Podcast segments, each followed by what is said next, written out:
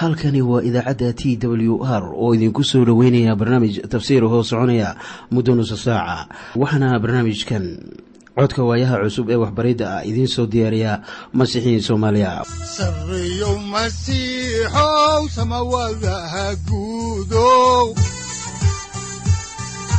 Siraadkii adduunkow subanaha eebow sareyow masiixow samawadaha guudow siraadkii adduunkow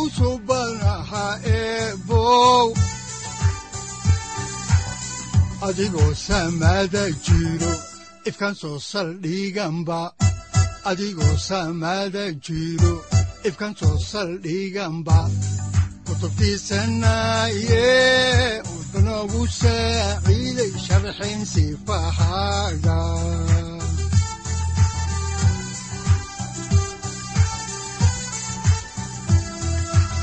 kutubtiisinayo ebanagu saaciid sharxin sifahaaga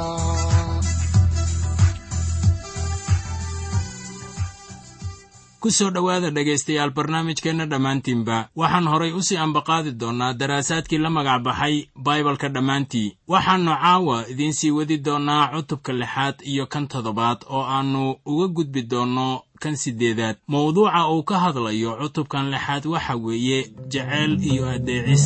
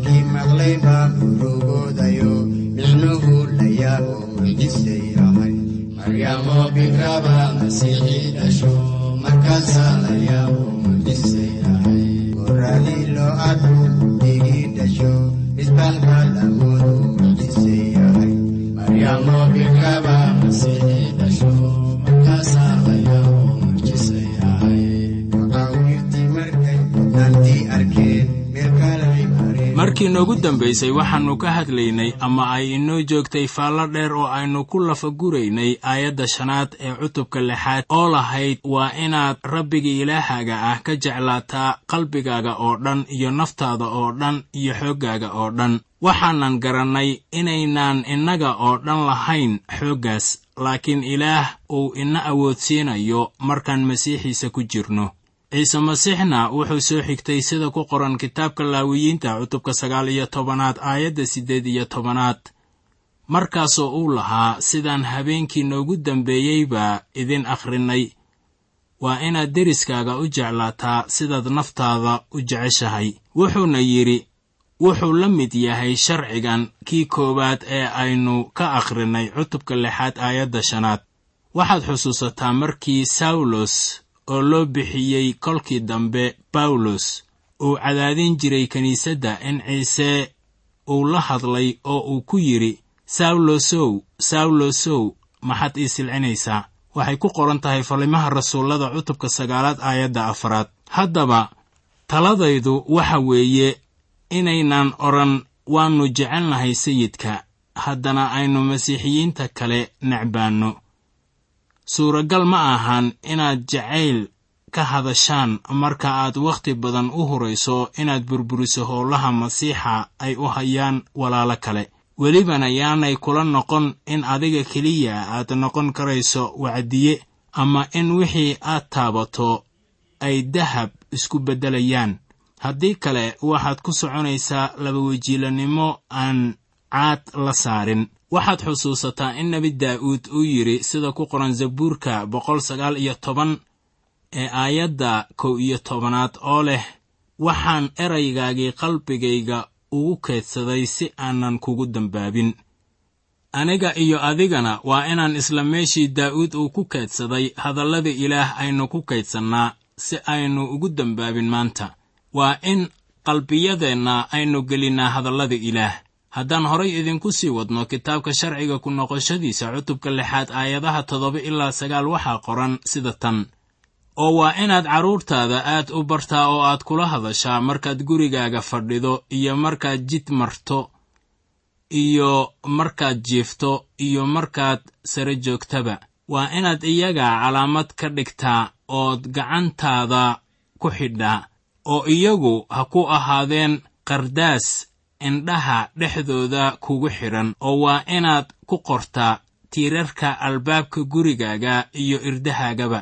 Bawlos ayaa isna wuxuu odhanayaa arrin taa la mid ah sida ku qoran warqaddii rasuul bawlos uu u qoray dadka efesos cutubka lixaad aayadda afraad. Waxaa qoran sida tan aabbayaashow carruurtiinna ha ka cadhaysiinina laakiinse waxaad ku korisaan edbinta iyo waanada rabbiga ilaah wuxuu u xilsaaray waalidka inay carruurtooda anshixiyaan ay ku hagaan jidka rabbiga. Meel kasta oo ka mid ah qorniinka waxaa jira wax badan oo laga leeyahay xilka waalidka ka saaran carruurtooda waxaa ku qoran kitaabka mahmahayada oo qayb ka ah kutubta axdigii hore baalka siddeed boqol. Waxaa ku qoran kitaabka mahmahayada oo qayb ka ah kutubka axdigii hore baalka siddeed boqol konton iyo labo cutubka laba iyo labaatanaad aayadda lixaad sida tan ilmo u rabbee siduu ku socon lahaa oo isna xataa markuu gaboobo kama leexan doono. Taas looma jeedo inaad u tababarto sida aad adigu doonayso. Waxaase loola jeedaa in ilaah uu u banneeyey jid uu maro waana inaad ilaah jidkiisa ku anqarisaa ilmaha. Waxaa taasu ay ka micno tahay in adiga waalidka ah aad ilaah xidhiir wacan la leedahay oo aad u dhowdahay hadallada ilaah loo akhriyayo maanta waxay ahayd inay hortooda dhigaan had iyo goorba. Waxaannu arkaynaa maalmaha kan boorar waaweyn oo ay ku sawiran yihiin waxyaabo la xayeysinayo oo habeenkana nalal baa ifinaya. Waxaana dunidu ay xayeysinayaan kamri iyo sigaar iyo waxyaabo badan oo lagu sakhraamo. Waxayna dadkii u leexdeen waddooyinka baadinimada iyagoo kamri qaad sigaar xashiish iyo daroogo ka raadinaya qalbiqaboojin waxyaabahaas ayaa ina hor yaalla maanta oo waxaad ku arkaysaa telefishinada iyadoo la faaninayo kamriga oo welibana raadiyowyada ayay isticmaalaan inay sigaarka kamriga iyo wixii la halmaala ku faaniyaan. Waxaase da'yarta soomaalida ah dullaystay qaad xashiish daroogo iyo waxyaabo kale oo ay qaba timeen ilaah wuxuu doonayaa in hadalladiisa la baro dadkiisa oo loogu daabaco meel waliba. Muxuu haddaba ilaah sidaas u doonayaa? Waayo niyadaha dadka way u nugul yihiin inay ilaah iyo jidadkiisaba iloobaan dabeetana ilaah wuxuu dadkiisa kaga digayaa inaanay isaga iloobin xitaa kadib markii ay dhulka galaan oo ay arkaan barakadiisa waa wax la yaab leh in marka dadku ay barwaaqo la kulmaan ay iloobaan kii barakeeyey ama barwaaqada u keenay. Haddaan horay idinku sii ambaqaadno xigashada kitaabka sharciga ku noqoshadiisa cutubka lixaad aayadda saddex iyo tobanaad ayaa waxaa qoran sida tan. Oo waa inaad rabbiga ilaahaga ah ka cabsataa oo u adeegtaa oo magaciisa ku dhaarataa. Sayidkeennuna aayaddan buu isticmaalay markii shayddaanku u damcay inuu dariiqa ka wareejiyo taasoo ku xusan injiilka sida matayos uu u qoray cutubka afaraad aayadda tobanaad iyo luukos cutubka afaraad aayadda siddeedaad haddaan horay idinku sii wadno xigashada oo aannu eegno aayadda lix iyo tobanaad ee cutubkan lixaad waxaa qoran sida tan. Waa inaydan rabbiga ilaahiinna ah u jarribin sidaad maasaah ugu jarribteen oo kale. Waxaa halkan ka soo baxaya aayad kale oo uu sayidkeennu isticmaalay markii ay soo food saartay jarribaaddii shayddaanka waxaana qisadaasi qoraya injiilka sida matayos uu u qoray cutubka afaraad aayadda toddobaad iyo injiilka sida luukos uu u qoray cutubka afaraad aayadda laba iyo tobanaad. Haddaba la yaab male in shayddaanka uu necab yahay kitaabka sharciga ku noqoshadiisa oo uu doonayay inuu masiixa ka hor keeno sharciga. Mar kale ayaa ilaah canaan u soo jeedinayaa dadkiisa si ay raallinimo ugu sameeyaan amaradiisa oo ay dhulka uu siinayo ay ku degganaadaan oo sharciganna ay baraan carruurtooda xitaa. Haddaan horay idinku sii wadno xigashada oo aannu eegno haatan cutubka lixaad aayadaha saddex iyo labaatan ilaa shan iyo labaatan waxaa qoran sida tan.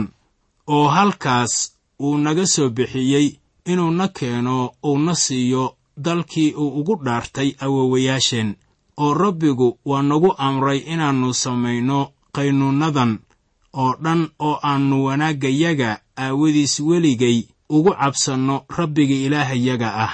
Inuu nolosha noogu daayo siday maanta tahay oo waxay inoo ahaanaysaa xaqnimo haddaynu dhowrno oo aynu amarkan oo dhan ku samayno rabbiga ilaaheenna ah hortiisa siduu inoogu amray. Ilaah baa ka soo saaray dhulkii masar. Ujeeddadiisuna waxay ahayd inuu keeno dhulkan la ballanqaaday waxaa taas la mid ah badbaadada aynu masiixa ku helnay. Ilaah wuxuu inagu badbaadiyey dhimasho dembi iyo xukun. Wuxuu na soo gelinayaa jidhka masiixa iyo meel baraka leh si aynu isaga wehelnimo ula yeelanno. Oo ugu dambayntana wuxuu na geynayaa samada. Markaana badbaadadeenna weli ma ayaan soo gabagaboobin ama ma dhammaystirna. Maxaan taas ula jeedaa waxaa isaga loo bixiyey xadgudubyadeenna waxaana loo sara kiciyey inuu xaq inaga dhigo aawadeed sida ku qoran warqaddii reer rooma cutubka afaraad aayadda shan iyo labaatanaad. Isagu waa xaqnimadeenna si aynu innaga oo kaamil ah aynu hortiisa u istaagno. Wuxuu inaga soo waday dembiyadeennii wuxuuna ina soo geliyey boqortooyada ilaah. Sababtaas aawadeed ayaannu u leennahay maanta waynu badbaadnay waxaan haysannaa nolosha daa'imka ah. Waxaannu ilaah hortii soo istaagaynaa innagoo leh xaqnimo oo dhan oo u qalanna badbaadiyaheenna inaan la joogno. Waxaa ku qoran warqaddii koowaad ee rasuul yooxanaa cutubka shanaad aayadda kow iyo tobanaad sida tan. Maragguna waa kan kaas oo ah in ilaah uu ina siiyey nolosha weligeed ah oo ay noloshuna wiilkiisa ku jirto. Waxaa kaloo aan odhan karnaa waaba lay badbaadiyey. Marka ay sidaas tahay ilaah wuxuu ka dhex shaqaynayaa noloshaada oo uu qaabaynayaa hagayaa si aad ula socoto wiilkiisa qaaliga ah. Waxaa rasuul bawlos uu inoogu sheegayaa warqaddii uu u qoray reer filiboy cutubka labaad aayadaha laba iyo toban ilaa saddex iyo toban sida tan. Haddaba gacaliyaalow xataa sidii aad weligiin u addeeci jirteen iyadoo aan ahayn intii aan idinla joogay oo keliya laakiinse haatan intaan idinka maqanahay si sidii hore aad uga sii badan badbaadadiinna ku shaqaysta cabsi iyo gariir waayo waa ilaah kan idinkaga dhex shaqeeya xagga doonista iyo xagga shuqulkaba farxaddiisa wanaagsan aawadeed. Ma ahan tanu inaan u shaqaysanayno badbaadada laakiin waxa weeye in looga dhex shaqaynayo badbaadada nolosheenna.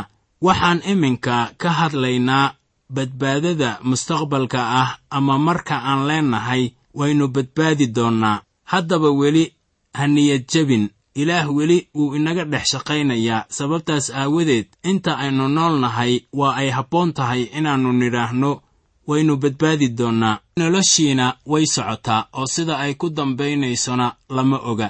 Waxaa dagaal joogto ah idinka dhexeeya shayddaanka markaana ilaahna wuxuu ku howlan yahay badbaadadaada si aad u badbaaddo. Taasina waa mustaqbalka. Waxa yooxanaa uu ku leeyahay warqaddiisii koowaad cutubka saddexaad aayadda labaad sida tan. Gacaliyaalow iminka waxaynu nahay carruurta ilaah oo weli waxaynu noqon doonno lama muujin laakiin waxaynu ognahay in goortuu muuqdo aynu noqon doonno sidiisa oo kale waayo waynu arki doonnaa isaga siduu yahay. Markaasoo arki maysaan inaynaan weli kaamil ahayn marka la leeyahay laakiin waxaynu ognahay in goortuu muuqdo aynu noqon doonno sidiisa oo kale waayo waynu arki doonnaa isaga siduu yahay. Haddaba waxaan idinku leeyahay ilaah weli wuu inaga dhex shaqaynayaa oo badbaadadeenna wax baa u dhiman haatanna aynu dib ugu soo noqonno faalladii kitaabka sharciga ku noqoshadiisa oo aan eegna maaddada ah israa'iil oo qurumaha kale aan lagu tirin doonin. Si bal aynu taas wax kaga ogaanno ayaa waxaa habboon inaan horay idinku sii wadno xigashada kitaabka sharciga ku noqoshadiisa cutubka toddobaad aayadaha kow ilaa labo.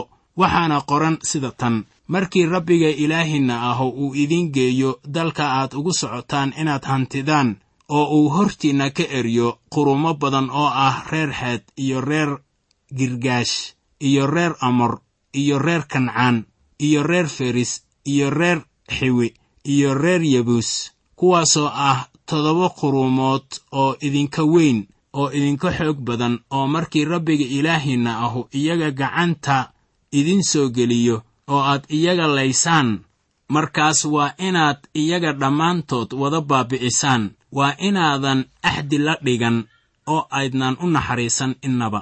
Haddaba halkan waxaynu ku arkaynaa luqad aad u adag iyo amar xoog leh in la siiyey reer banu israa'iil. Waxaad xusuusataa haddaba inuu ilaah yidhi waa inaadan qurgoyn kaasu haddaba waa amar loo bixiyey shakhsi ahaan ee ma ahan mid ciidamada dawladda saamaynaya sidaad arkaysaan. Waxaase taasu ay ka soo hor jeedaa cadowtinimada dadka ay u qaadaan kuwa kale oo la nool. Haddaan horay ugu sii soconno faallada oo aannu eegno aayadaha saddex ilaa afar waxaa qoran sida tan. Oo idinka iyo iyaga yuusan guur idin dhex marin oo gebdhihiinna wiilkiisa ha siinina wiilkiinna gabadhiisana ha u guurinina waayo isagu wuxuu wiilkiinna ka leexin doonaa aniga la socodkayga inay iyagu u adeegaan ilaahyo kale. Sidaas daraaddeed rabbiga carradiisu aad bay idinku kululaan doontaa. Markaasuu haddiiba idin baabi'in doonaa. Halkan waxaa laynagu siiyey asbaabta ama ujeeddada keentay amarka ilaah ka soo baxay.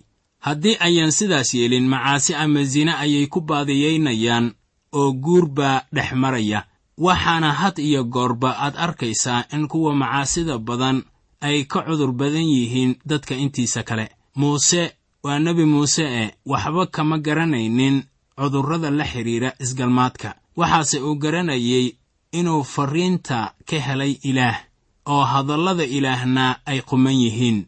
Waxaase uu garanayey farriinta uu ka helay ilaah oo hadallada ilaahna ay quman yihiin ilaah wuxuu reer banu israa'iil siinayaa digniin culus oo wuxuu leeyahay haddii aad guursataan qolayaashaas karaahiyada ah waxay dadka u horseedayaan ilaahyo qallaad. Dabeetana ilaah dalka wuu ka bixinayaa. Waxaa taasoo raaca in ilaah uu u sheegay iyaga inuu yahay ilaah kalgacayl badan oo amaradan wuxuu u bixiyey naxariistiisa iyo kalgacaylkiisa badan aawgii haddaan horay idinku sii wadno kitaabka oo aan eegno cutubka toddobaad ee kitaabka sharciga ku noqoshadiisa aayadaha lix ilaa toddoba waxaa qoran sida tan.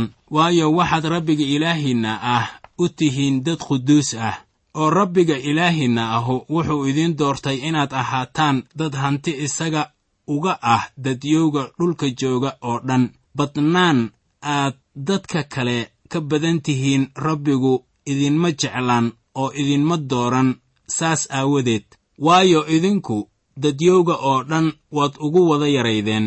Haddaba israa'iil ma ahayn quruun dad badan weligood. Ilaa iyo iminkana ma ahan markaan iyaga barbardhigno shiinaha hindida iyo ruushkaba amase quruumaha kale. Haddaan horay idinku sii ambaqaadno ayaa aayadda siddeedaadi ay leedahay laakiinse rabbigu wuu idin jecel yahay oo wuxuu doonayaa inuu oofiyo dhaartii uu awowayaashin ugu dhaartay oo sidaas daraaddeed rabbigu wuxuu idinku soo bixiyey gacan xoog badan oo wuxuu idinka soo furtay gurigii addoonsiga iyo boqorkii masar oo fircoon ahaa gacantiisii.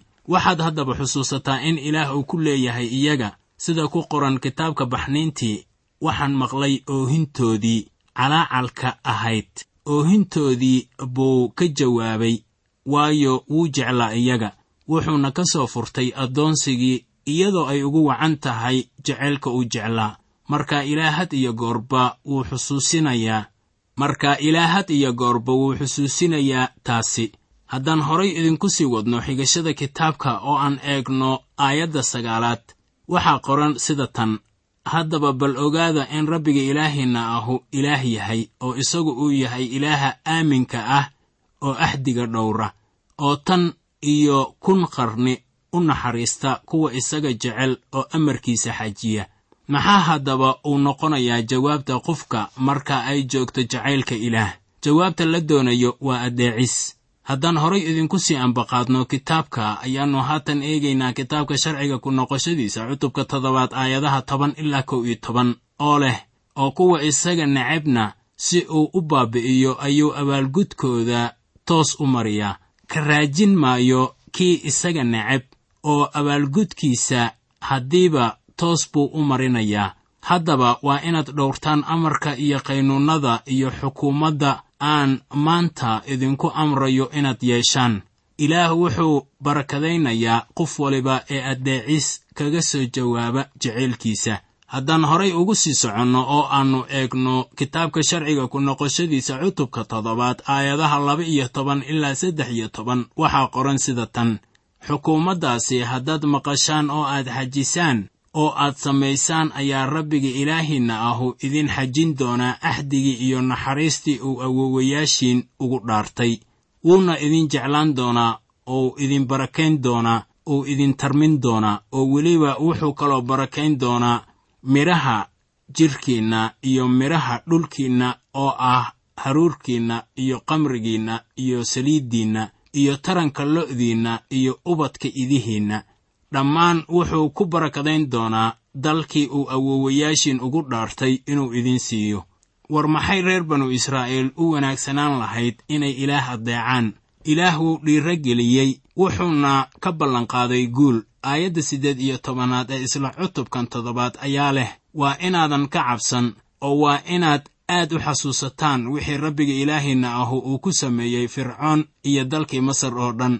Daacadnimadii rabbiga ee ay arkeen ayaa dhiirogelin u noqonaysa mustaqbalka. Innaga xitaa sidaas ayay inoo tahay kuweenna arka daafacaadda barakada iyo daacadnimada rabbiga ilaahiinna ah.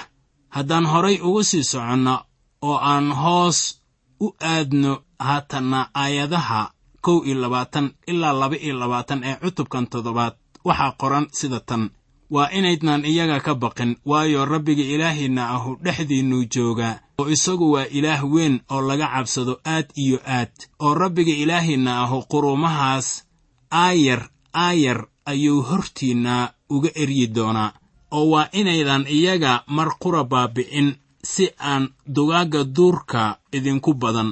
Waxaa halkan ka muuqanaya xikmadda rabbiga oo wuxuu ka fikirayaa badbaadadooda isagoo garanaya haddii dadka dhulka ku nool hal mar la wada baabi'iyo in dugaaggu uu baranayo hilbaha dadka. Ayaa loo sheegay inay aayar aayar u laayaan. Haddaan soo gunaanadno xigashada kitaabka ayaannu iminkana eegaynaa cutubka toddobaad aayadda saddex iyo labaatanaad. Waxaa qoran sida tan laakiinse rabbiga ilaahiinna ahu gacantiinnuu soo gelin doonaa oo jeeray wada baaba'aan wuxuu idinkaga nixin doonaa naxdin weyn. Qaramadaas oo dhan waxay ahayd in la wada laayo oo dhulka laga baabi'iyo iyadoo ay ugu wacan tahay karaahiyanimada ay dhulka ku faleen beri hore. Markaasoo ay xoolaha dadka iyo raggaba ay isku tegi jireen. Ninbaa wuxuu u tegayaa ama hooyadiis ama walaashiis hadba tii u dhow ama dameer ama faras ama xayawaan kale ayuu fuulayaa. Naaguhuna la mid bay ahaayeen. Marka ay falayaan dembi ceenkan ah ayaanay ka fikirin inuu dunida joogo ilaah samada sare ka eegaya oo qoraya falimahooda naxdinta leh. Sababtaas baa rabbiga uu u leeyahay aayar aayar u laaya si aan xayawaanka duurka idinku badan kuwanu naxariis kama haystaan ilaah. Waxaan ilaah ka baryayaa inaannu dalkeenna gaarsiin. Heer la mid ah kan ay gaareen. Qowmiyadihii laga saaray dhulkii ay beri degganaan jireen. Qowmiyadihii ka horreeyey reer banu israa'iil ee aynu idiin soo sheegnay.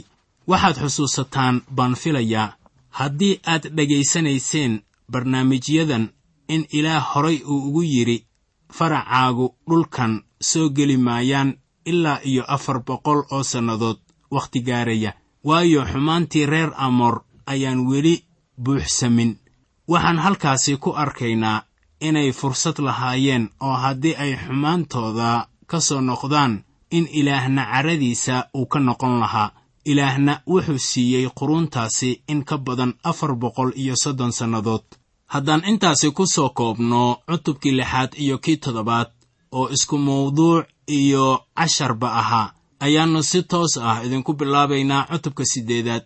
Mawduuca cutubkan siddeedaad wuxuu noqonayaa in falkii ilaah u sameeyey qaranka israa'iil ay u qaataan hubaal ah in ilaah uu la jirayo haddii mashaqo ay timaado mustaqbalka. Markaan joogno qaybtan sharciga loogu celinayo da'yartan reer banu israa'iil ayaannu haatan soo gaarnay qidcooyinka quseeya diimaha iyo qaynuunnada qaranka waxaanay taasu inoo soconaysaa ilaa iyo cutubka kow iyo labaatanaad. Iminkase waxaannu soo gaarnay maaddada ah waxyaabaha la hubo ee ah in ilaah uu u sameeyey iyaga beri hore ay keento inay ilaah addeecaan haddaan markii ugu horraysay caawa idiin bilowna xigashada cutubka siddeedaad ee kitaabka sharciga ku noqoshadiisa ayaannu eegaynaa aayadda koowaad. Waxaana qoran sida tan oo amarka aan maanta idinku amrayo oo dhan waa inaad wada samaysaan si aad u noolaataan oo aad u tarantaan oo aad u gashaan ood u hantidaan dalkii rabbigu ugu dhaartay awowayaashiin haddaba waxaa inta jooga faracii cusba oo taagan daanta bari ee webiga jordan. Haddaan horay idinku sii wadno xigashada kitaabka oo aannu eegno cutubka siddeedaad aayadda labaad waxaa qoran sida tan oo waa inaad xusuusataan jidkii uu rabbiga ilaahinna ahu afartankan sannadood idinku soo dhex mariyey cidladii si uu idiin hoosaysiiyo uu idiin tijaabiyo si uu u ogaado wixii qalbigiinna ku jiray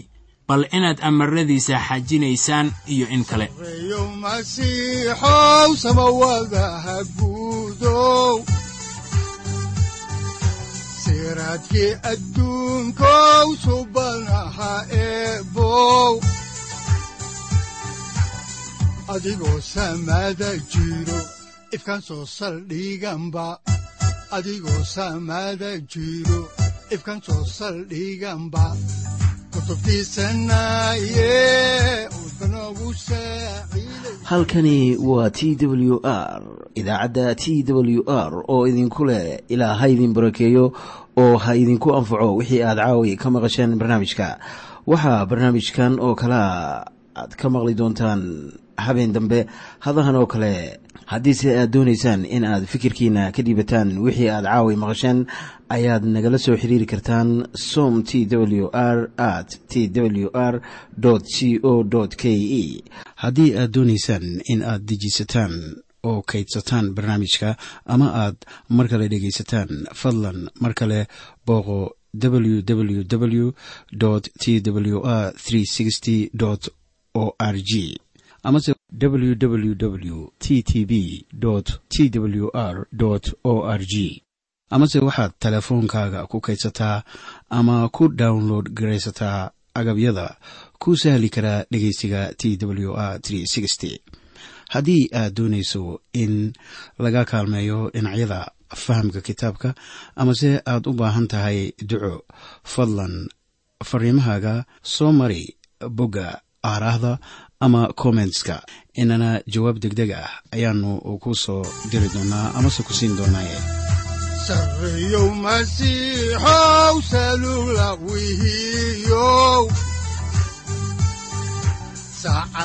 timid dhulka sabada ku dhalatiyo